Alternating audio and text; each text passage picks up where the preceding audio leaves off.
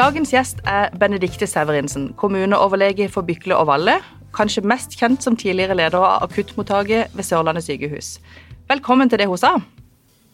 Tusen hjertelig takk. Du er jo med oss på telefon fra Hovden, og det er ikke fordi du har hyttekontor. Det er fordi du bor der oppe. 1. mars så slutta jo du som leder av akutten, og starta i ny jobb øverst i Setesdal. Og Det betyr at du og familien rett og slett har flytta fra Kristiansand og opp til Hovden? Det har vi. Vi har flytta for en god stund siden, faktisk. Vi flytta opp her i eh, desember 19. Eh, så vi har allerede fått eh, prøvd å være Hovden-boere en, en, god stund. Jeg må nesten si gratulerer med ny jobb. Og så har jeg veldig lyst til å høre hva det var som gjorde at du og familien tok dette valget. Ja, det var litt sammensatt. Det var um, Vi bodde jo i Kristiansand, vi bodde på Dvergsnes. Som den gode sørlandspiga jeg er, så hadde jeg jo flytta hjem rett eh, et steinkast fra mine foreldre. Um, og livet på Dvergsnes, det var veldig godt, det.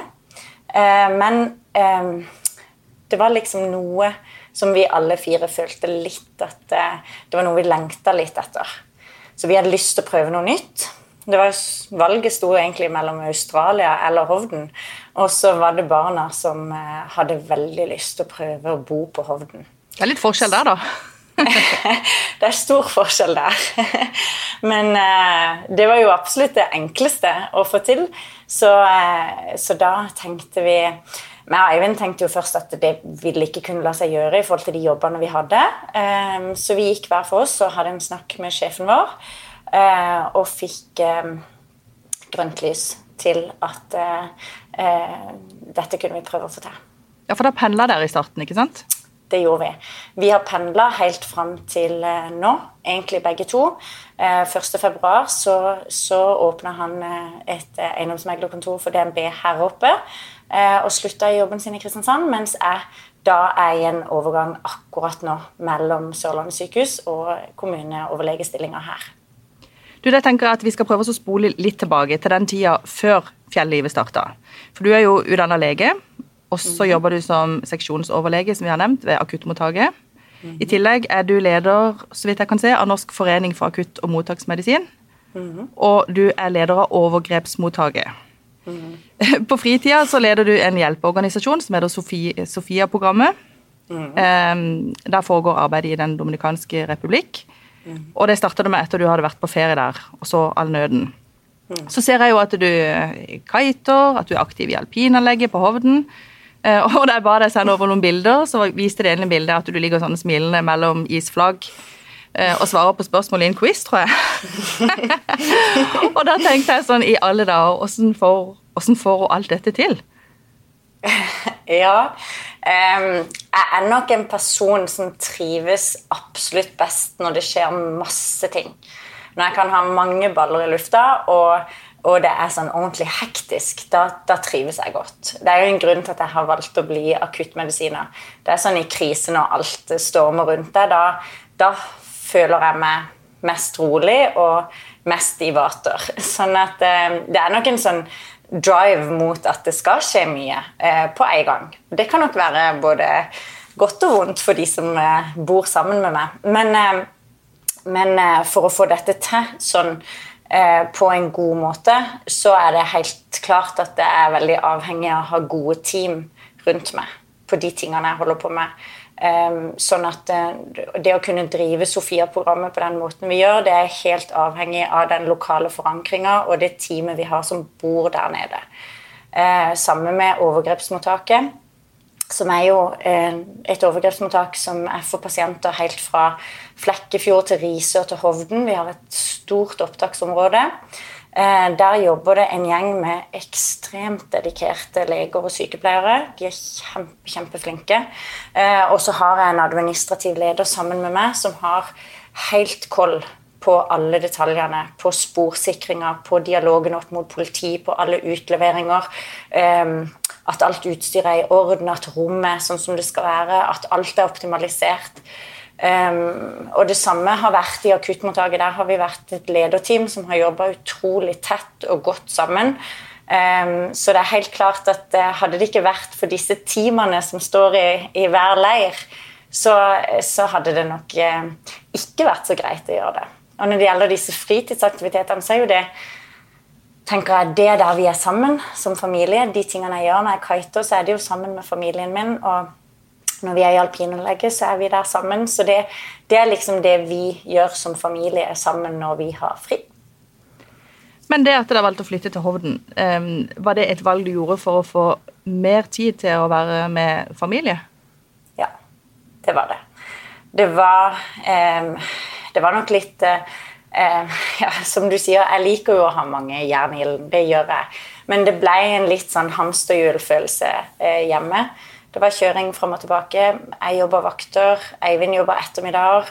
Barna våre de er ikke sånn um, Altså, det var ikke fotball som var det viktigste for de, eh, men det var aktiviteter som var i byen, eh, som gjorde at det ble sånn at vi satt veldig mye i bil, vi kjørte veldig mye. og eh, Bestevenninna mi bygde hus ved siden av meg på Dvergsnes, og hun har et litt roligere liv. Og hun sa at eh, underholdninga var jo bare å sitte i sitt stuevindu og se ut på parkeringsplassen vår og alt som liksom fram og tilbake. og ja, Sånn at det ble nok eh, Jeg følte det var litt eh, at når man da kom på hytta i helgene og vi var sammen Jeg følte noen ganger at når vi satte oss i bilen og kjørte oppover Setesdalen, så var det første gang vi fire var samla siden vi hadde kjørt ned fra Setesdalen søndagen før. Så, så, eh, det var nok litt den følelsen der som gjorde at vi alle fire kunne tenke oss å, um, å prøve å legge ting opp litt annerledes enn det, det kjøret vi var i gang med. Men har det blitt roligere? Ja. Altså, det har ikke blitt sånn roligere. Jeg har enda en veldig hektisk og utfordrende og spennende arbeidshverdag. Det har jeg. Og jeg, eh, tror nok de som kjenner meg her oppe, òg vil beskrive meg som en person som som eh, løper litt fra sted til sted. Men det er helt klart det er mindre avstander her oppe. Eh, aktivitetene vi driver på med, driver vi på med sammen med meg og dattera mi vi har en hest, og ellers så driver vi på med ski og kiting og sånn sammen med, med, guttene i familien. Så eh, vi er helt klart mye mer sammen på fritida enn det vi var når vi bodde i byen. Det må være en veldig stor overgang um, å gå fra jobben i et akuttmottak. Jeg ser for meg et sted med veldig mye action, litt sånn, litt sånn som jeg ser på TV. Men å gå fra en sånn jobb der det, der det liksom er fullt kok hele tida, til å sitte som kommuneoverlege på bygda ja, og vet du hva, den forskjellen tror jeg kanskje ville vært enda større før covid.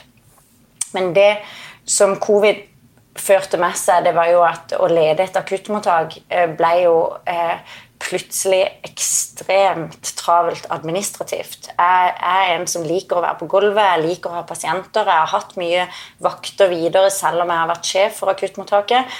Men det er helt klart at siden den første pasienten gikk inn i akuttmottaket 8.3 i fjor, eh, og fram til i dag, så har veldig mye av min jobb vært å administrere kontroll, eh, karantener, eh, isolasjon, rom, kapasitet, ansatte på jobb, opplæring. altså og de tingene der ser jeg jo Nå har jeg jo bare jobba i denne nye jobben i én uke.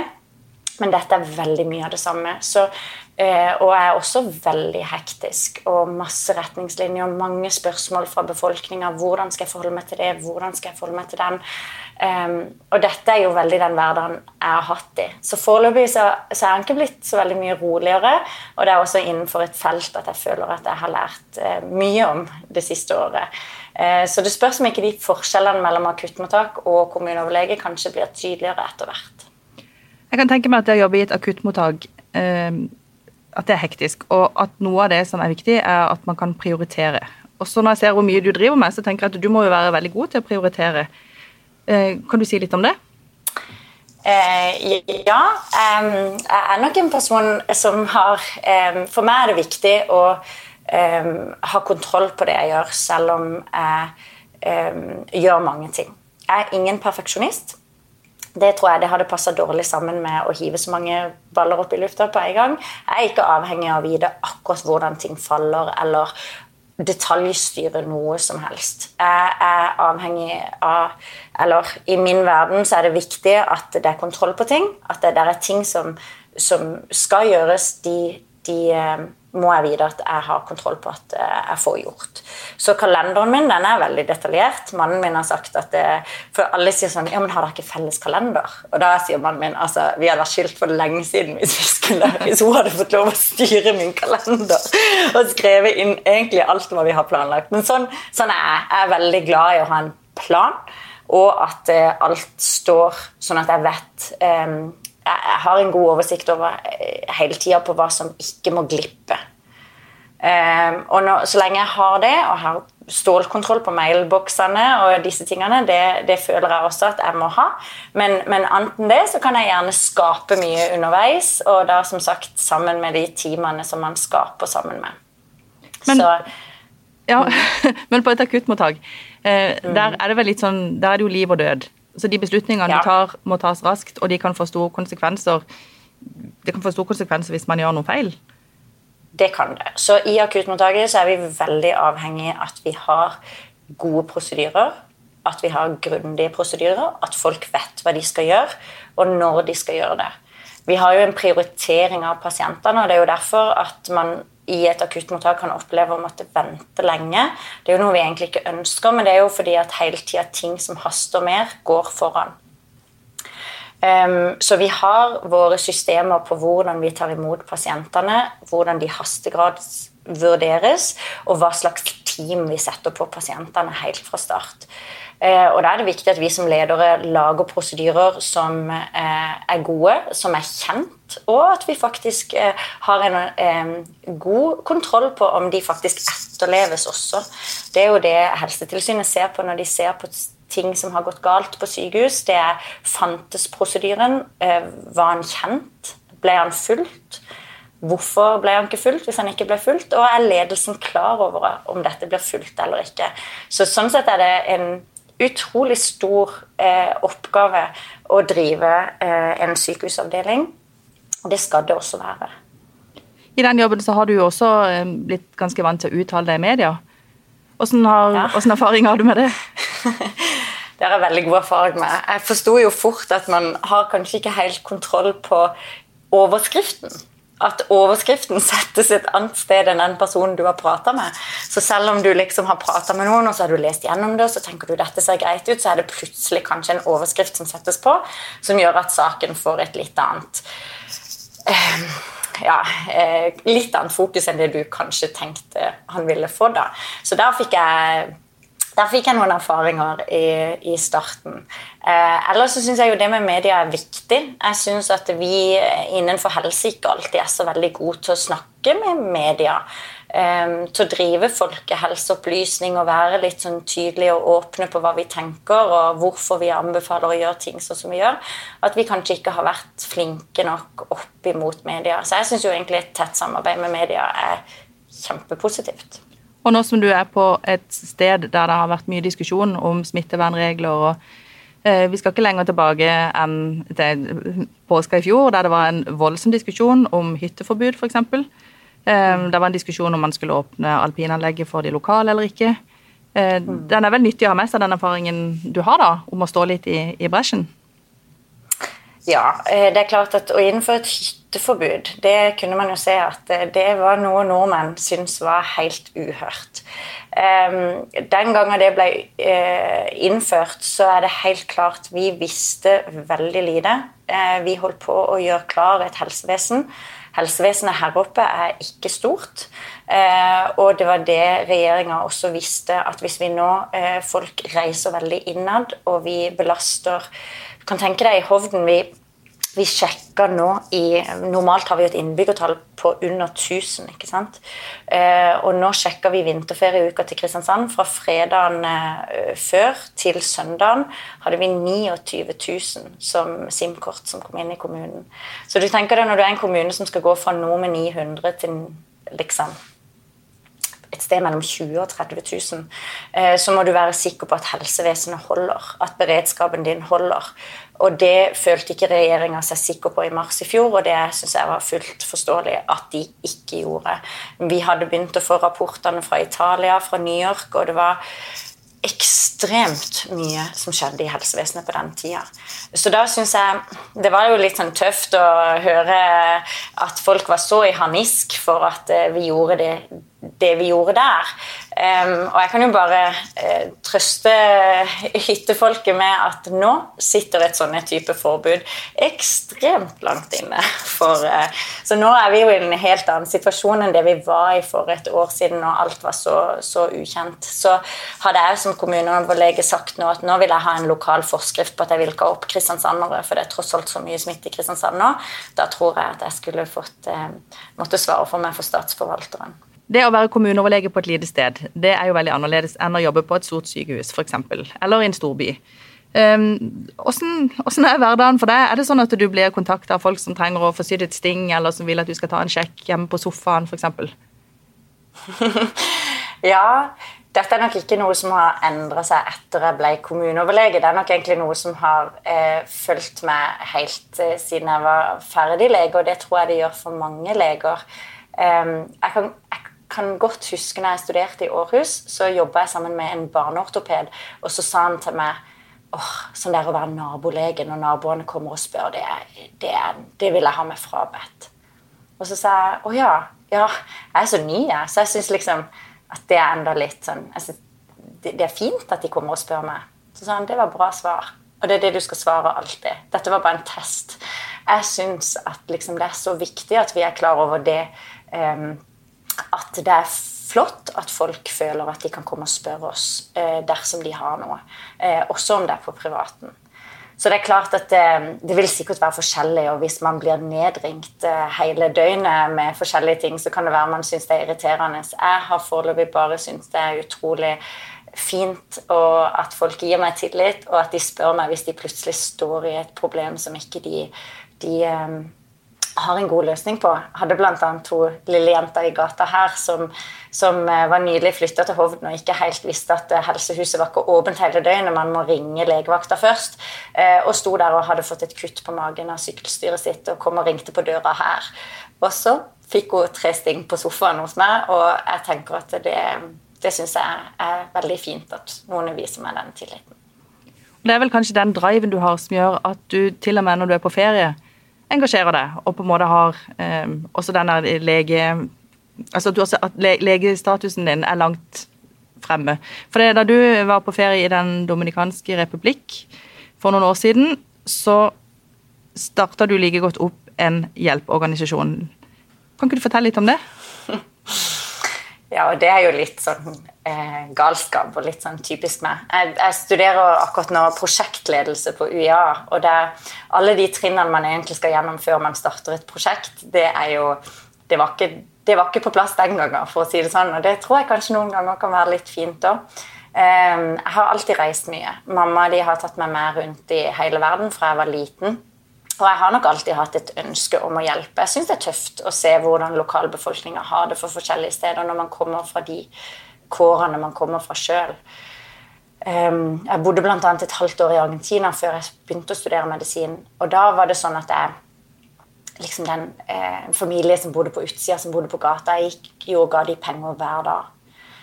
Og så sa en av de lokale til meg hvorfor går du og gjør det sånn? Det er ikke sånn du kan hjelpe denne familien. Og så får man litt sånn realismesjekk på at ok, man har jo faktisk ikke peiling på hvordan man kan hjelpe folk i utlandet på den måten. Um, så begynte vi å reise til Kabaretet. Et fantastisk sånn surfested uh, som vi bodde på et halvt år i fødselspermisjonen til Sofia. Um, og vi ble der kjent, veldig godt kjent med en lokal familie. Som inviterer oss hjem. Uh, helt på slutten av oppholdet. Da har vi vært sammen med de nesten daglig i et halvt år. Og så blir vi invitert hjem til dem. Og så ser vi hvordan de bor. Og det høres jo sikkert veldig klisjé ut, men man får sjokk. For dette er folk man ser på som sine absolutt likeverdige. Vi har mye samme interesser, vi snakker om de samme tingene, jevnaldrende barn. Og så kommer vi hjem, og så bor de bare i ei rønne. Eh, og, og, når jeg gikk rundt der eh, i nabolaget der og snakka med folk, så møter jeg ei jente som er 17 år gammel. Og hun er høygravid, og jeg går bort og snakker med henne. Jeg hadde enda Sofia på magen i babybjørnen. Og så spurte hun om hun var spent, for jeg regnet med at eh, selvfølgelig at dette var hun sitt første barn. ikke sant? Hun var så ung. Jeg, sa hun, jeg er ikke spent. Dette er nummer tre. Jeg vet akkurat hva jeg går til. Så viser det seg at det dominikanske, som egentlig ikke er et veldig fattig land, ca. sånn midt på treet av alle land i verden, har en veldig høy andel av barne, altså tenåringsfødsler. Eh, altså barnefødsler helt ned i 11-12-årsalderen på første barn. Eh, du finner det ikke hvis du ser det i de nasjonale registrene, men i WHO sin oversikt så kommer det tydelig fram. Og det viste seg at det var det en veldig sterk kultur for. Og det er en sterk kultur der nede for at jentene får barn tidlig, og så er det da mannen som forsørger familien. Det er klart, det er ingen land i verden som har kommet ut av fattigdom uten at det er blitt eh, tilbudt prevensjon til kvinner. Det er ganske fascinerende. Det er noe vi kanskje ikke tenker på. Men hvor viktig det er faktisk at kvinner blir tilbudt prevensjon og har muligheten for å få seg utdannelse og jobb før de får barn. Sånn at jeg ble veldig gira på dette. Og så fortsatte vi å dra tilbake igjen, eh, og var tilbake igjen flere ganger. Da jobba jeg litt for de organisasjonene som allerede er der nede. Men etter da i 2017, syv år første gang etter at vi hadde vært der eh, for første gang, så bestemte jeg meg for at nå har jeg lyst til å starte noe eget. Så jeg snakka med Nacho, eh, da min gode venn, gjennom mange år. Og så sa jeg hvordan kan vi gå fram? Jeg kunne tenke meg å um, bare på en måte åpne en klinikk, og så bare ser vi hva de kommer med. Ok, sier Nacho. Hvor mange tenker du? Nei, 50 kan jeg klare på en dag. Ja, Så da åpna vi en søndag i juli der. Eh, dørene til kirka, så kom det 50 mennesker inn. De hadde hver sin Post-It-lapp i hånda med nummer fra 1 til 50. Og det sa jeg til Nacho, har de fått Post-It-lapper? Ja, ja. Da har de gjort ganske mye i lokalbefolkninga før jeg åpna de dørene. ikke sant? Med å kartlegge, se hvem som har store behov og sånn, og de har fått lapper. Og han sier hvis ikke de hadde fått lapper, så hadde det stått utenfor en hel gjeng her. Og da kunne det blitt opptøyer. Men så lenge de har en lapp, så kan folk forholde seg til at hvis ikke du har lapp, så kommer du ikke inn. Så det er litt sånn for å vise den lokale forankringa som kanskje må være litt sammen med mine crazy ideer for at ting skal bli bra, da. Um, og det var starten på Sofia-programmet. Og den driver du ennå? Den driver jeg ennå. Nå er det i en litt annen form. Vi har eh, pasienter, faste pasienter i programmet. Det er mye barn eh, med epilepsi, diabetes og astma for det meste som får fast medisin gjennom Sofia-programmet. Så har vi jo bygd en klinikk. Eh, det er jeg kjempestolt over at vi har fått her. Vi har utdanna en helsesykepleier som jobber på klinikken vår, og det er en slags helsestasjon for ungdom. Så nå er det 400 jenter der nede som har prevensjon fra Sofia-programmet. Så bygger vi hus. Vi har bygd 16 hus. Og så leverer vi ut skoleutstyr, og så holder vi på med litt utdannelsesprogram. Vi har utdanna to kiteinstruktører til å få en sånn internasjonal kiteutdannelse som gir de sikker inntekt på et sånn type turiststed framover. Og så denne helsesykepleieren, da. Så det er litt av det vi gjør. Men dette med frivillighet mm. Du gjør noe av det fordi du ønsker å hjelpe, men, men hva, hva gir det deg? Eh, ja, det var et godt spørsmål.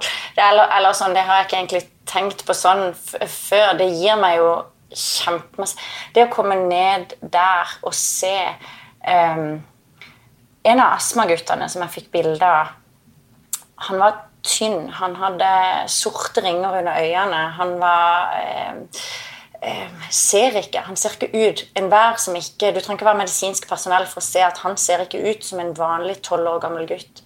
Det eneste han mangla, var en astmaspray. Der nede har de tabletter. Men han mangla en astmaspray. Den enkleste astmasprayen som finnes. Det er knapt et norsk barn med astma som står på så enkel medisin. Men, men den enkle sprayen ga vi han hver dag i ni måneder. Og så har vi tatt bilde av han etterpå, så er han en helt annen gutt. Han er et helt annet menneske. Så bare han ene Du kan si du redder jo ikke verden med å hjelpe han, på ingen måte.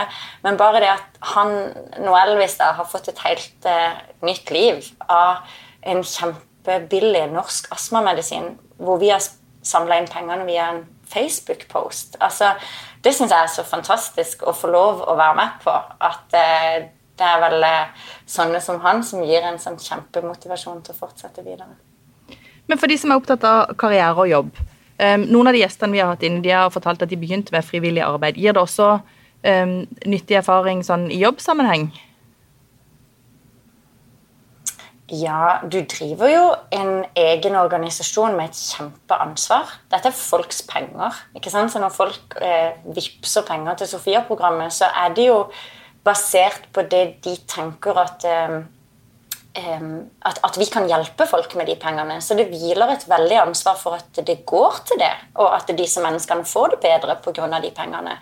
Så, så ja. Eh, og nå har vi jo fått en organisasjon hvor vi har ansatte. Hun helsesykepleieren er jo ansatt hos oss. Byggmesteren får eh, sine prosjekter gjennom oss. og sånn, Så nå har jeg jo plutselig eh, påtatt oss et arbeidsgiveransvar på den andre sida av jorda. Og den eh, økonomien som ligger i det. og sånn, Så ja, jeg, jeg, tror nok absolutt at jeg drar med meg de tingene også inn i det arbeidslivet jeg har hjemme i Norge.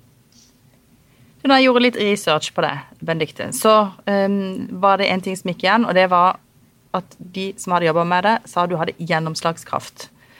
Så tenker jeg Du har jobba i en stor organisasjon som Sørlandet sykehus. Eh, du driver din egen organisasjon. Nå skal du drive en kommune som kanskje ikke er så eller stor i, i geografisk omkrets, men ikke så stor når, det gjelder mennesker. Men, men hvordan får man gjennomslagskraft, eller hvordan får du det, hvis du tenker jobb? Ja, det er jo et godt spørsmål, og jeg vet ikke om jeg har noen fasit på det. Um, jeg tror at um, noe av grunnen til at man kan få gjennom en idé eller drive gjennom et prosjekt, uh, eller noe av grunnen til at jeg har uh, kunnet det, det, det, har kanskje noe med at jeg har På et punkt er jeg veldig lite sørlending. Noen har beskrevet meg som veldig relasjonell, og det, det tror jeg nok at jeg er. Jeg er opptatt av å få en god relasjon til de jeg samarbeider med. Og jeg er ikke redd for å smile til folk eller snakke med folk eller kanskje bli kjent med folk på en, på en nær måte. Og jeg tror at når man da er i arbeidslivet, og man kjenner godt sine kollegaer, man kjenner sine ledere så, så, tror jeg det kan hjelpe. At man rett og slett bygger litt relasjoner. Um, for at da er det lettere, hvis de kjenner deg og vet hva du står for, så er det kanskje lettere også å få gjennom de ideene du har. Men det er jo den ideelle versjonen. Men det er jo ikke alltid det går bare å være snill og hyggelig og, og bli. Er det noen ganger du bare må sette hardt mot hardt, og så er det den måten du får til noe på? Ja, jeg tror jo at man kommer vanvittig langt med å være snill. Men du har helt rett. at Det er jo ikke alltid det. og det, var, det, det er ikke egentlig bare det jeg mener at man trenger å være snill, men hvis man setter seg litt sånn ekstra inn i ting, og setter seg litt inn i hvordan menneskene og teamene du har rundt deg, fungerer, så er det også lettere å vite hvordan man skal få gjennom eh, hvis man har noe som man tenker at er viktig å få gjennom. Um, kan, ja, kan, du, kan, du, være litt tøffere, da? Eh, ja, jeg tror at jeg kan bli, bli beskrevet som litt tøffere. Det tror jeg. Eh, det er ikke noe jeg ønsker å være. Eh, jeg tror jeg ønsker å være tydelig. Eh, hvis det er noe jeg tror sterkt på, eller hvis jeg har en medisinsk-faglig anbefaling, så ønsker jeg å gi en tydelig anbefaling, fordi man kan bli veldig forvirra hvis den er veldig utydelig. Så eh, jeg tror nok kan, jeg kan i hvert fall fremkomme tydelig. Men når jeg ser på alt du har fått til, så blir jeg jo litt imponert. Så tenker jeg jo wow, i all verden. Så mye du får til. Og så lurer jeg på, er det noe du ikke er god til? Å oh, ja. Ja, absolutt. jeg, altså, jeg kan ikke lage mat. Jeg er helt krise på kjøkkenet. Altså, Baking er verre enn noe, men generelt det meste på kjøkkenet er jeg utrolig dårlig på. Og så kan jeg ikke ordtak. Altså Når Weng sa 'bøyer meg i hatten', liksom, så følte jeg det Det var helt riktig, det. Altså, det, det, det skurrer ikke i mine ører. Og så kan jeg ikke si nei.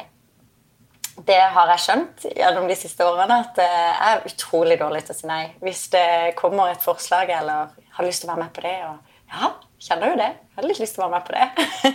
Så jeg sier veldig sjelden nei. Og det er kanskje noe av det som blir utfordringa di nå, da, på et lite sted hvor mange har lyst til at du skal være med på alt mulig? Nei, altså hvis noen har lyst til at jeg skal være med på noe her, så syns jeg det er veldig hyggelig. Så da vil jeg mest sannsynlig si ja. Men hvis du skulle ha solgt inn den jobben du har gått til nå, sånn at vi, vi skjønner um, altså, hvorfor du ville ha den jobben, kan du si sånn kjapt hva er det viktigste og gøyeste du gjør som kommuneoverlege i Byklovallet?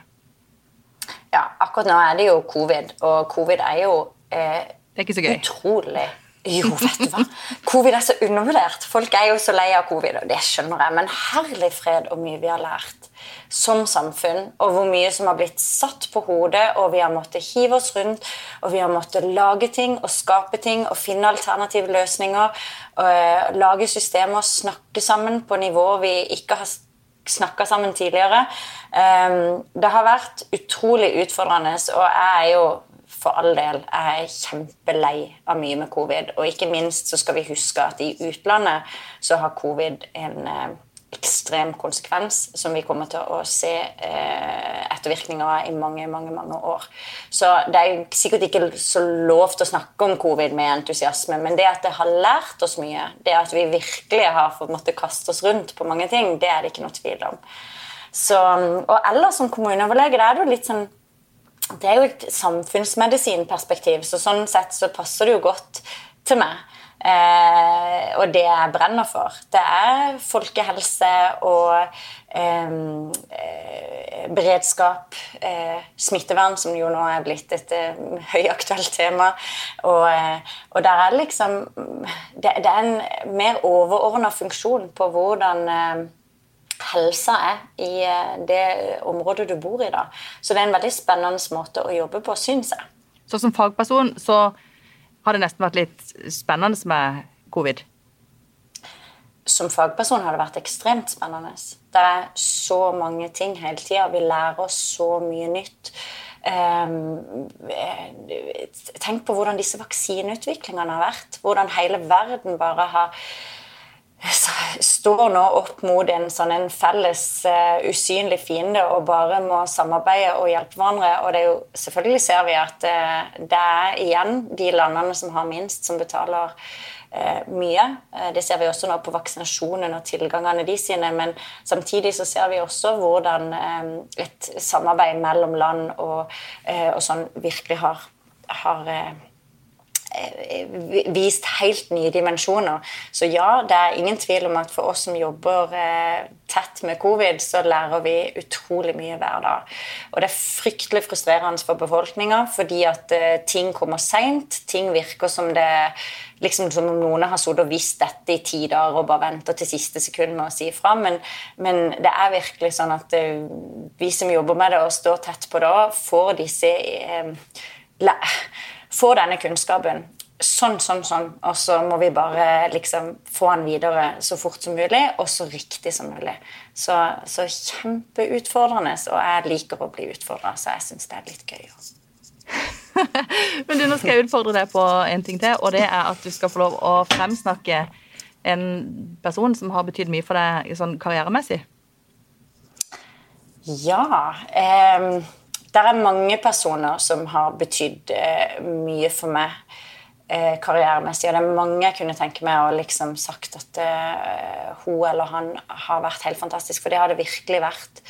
Så det er nesten vanskelig. Jeg har tenkt veldig på dette, for dette var jo det eneste spørsmålet nesten jeg fikk på forkant.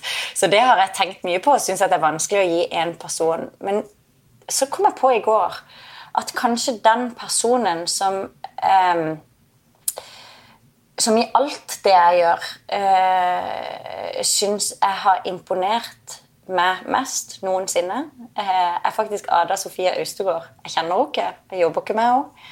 Men eh, det å forestille seg at man går gjennom eh, en opplevelse som det hun har gått gjennom, som det ingen av oss kan forestille oss, og forferdelig det må være Og så har hun klart å ut av det se i sitt møte med rettsvesenet, når hun møtte hvordan rettssikkerheten var for barn i Norge, og eh, hvor hun så eh, hvor mange ting vi trengte å forbedre innenfor eh, vold og overgrep mot barn eh, i Norge, så klarte hun bare å skape noe ut av det.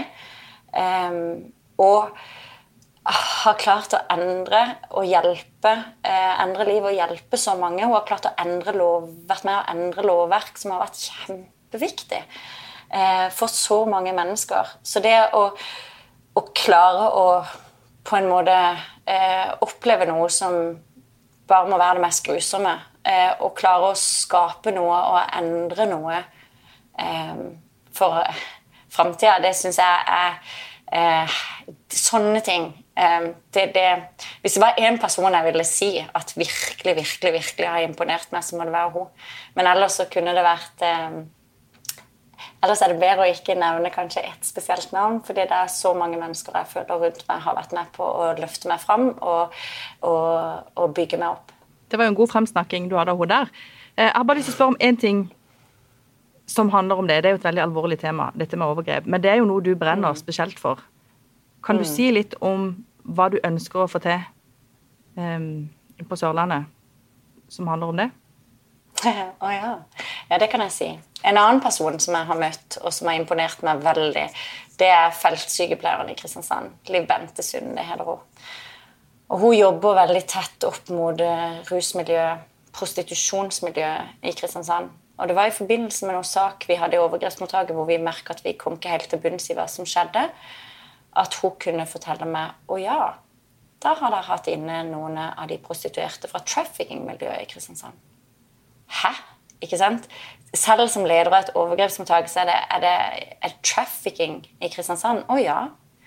Og hun fortalte om disse jentene som blir kjørt til Flydd til Kjevik og henta en sjåfør og kjørt til et hus, og der er de i to uker kanskje mens noen forgriper seg på dem, og så blir de kjørt tilbake igjen til Kjevik og flydd videre til neste by. Og sånn har vi det. Sånn har vi det i byen vår. Um, og dette var jo før covid. Um, og um, jeg har som sagt et utrolig engasjert team i overgrepsmottaket, og det var flere av de der som kasta seg på og sa vi må høre mer om dette. Dette må vi vite mer om. Vi inviterer Liv Bente. Så inviterte vi Liv Bente til en kveld, og så forklarte hun òg at det, det, er vanskelig for de prostituerte i Kristiansand å få helsehjelp. Eh, det, de jobber kanskje eller sover når fastlegen er åpen. og Det å gå og ta en celleprøve på legevakta det er jo ikke noe tilbud legevakta har. Finns, hun trengte noen leger å spille på. Hun trengte et medisinsk team som kunne hjelpe henne til å hjelpe disse kvinnene. Så ut ifra det da, så har vi en plan om å nå åpne en feltklinikk for rusmisbrukere, prostituerte. Altså, De kan komme innom. Det blir drop-in en kveld i måneden, og de kan komme innom med det de trenger, og så skal vi hjelpe dem med det vi kan hjelpe dem med. Så igjen så blir det en ball som blir sånn kasta litt opp i lufta. Vi, vi har ikke helt landa åssen det helt blir, men jeg er veldig trygg på at eh, i samarbeid med feltsykepleien, som har veldig mye erfaring og kunnskap på dette området, så skal vi klare oss å bidra med noe bra. Det er jo utrolig sterke ting du forteller, og jeg er veldig spent på å følge dette arbeidet videre. Um, så blir jo overgangen litt brå fra det til det at du skal få lov å komme med noen, noen råd. Men eh, det skal du òg få lov til sånn avslutningsvis. Hvis du skal dele noen tips basert på det du sjøl har eh, lært, hva skulle det være? Ja, eh, jeg hørte på podkasten du hadde med Camilla Dunsed. Også en kvinne som for øvrig jeg syns er helt ehm, virkelig dyktig. Så sa jo hun eh, det at uh, hun sitt råd var at man sa litt mer ja. Og da ble jeg så glad, for jeg følte meg så truffet. Jeg sto enda oppe i stallen og møkka med henne på AirPodsene. Når jeg hørte det, så tenkte jeg ja, det er jo det jeg er kjempedårlig til, det å si nei. Og så tenkte jeg jeg vil hive meg på litt, Camilla, der. For jeg tror kanskje det at man eh, Å tørre å hive seg litt mer ut og tørre å si ja, det prøver jeg. Jeg ser om jeg får det til eh, kanskje åpner eh, veldig mange dører, og det er ikke sikkert det, det lukker så veldig mange heller. Tusen takk for det, og takk for at du sa ja til å stille i podkasten. Håper det, det åpner noen dører. Bare, det skulle bare mangle. Jeg er veldig glad for å bli spurt. Tusen takk. Takk skal du ha, og så må du ha en fin dag videre på Hovden. I like måte. Du har lytta til Federlandsvennens podkast 'Det hun sa' med Birgitte Klekken. Har du tips til andre bra damer vi bør snakke med, eller har du lyst til å dele inspirerende erfaringer fra ditt arbeidsliv? Ta kontakt på dethosa1fun.no.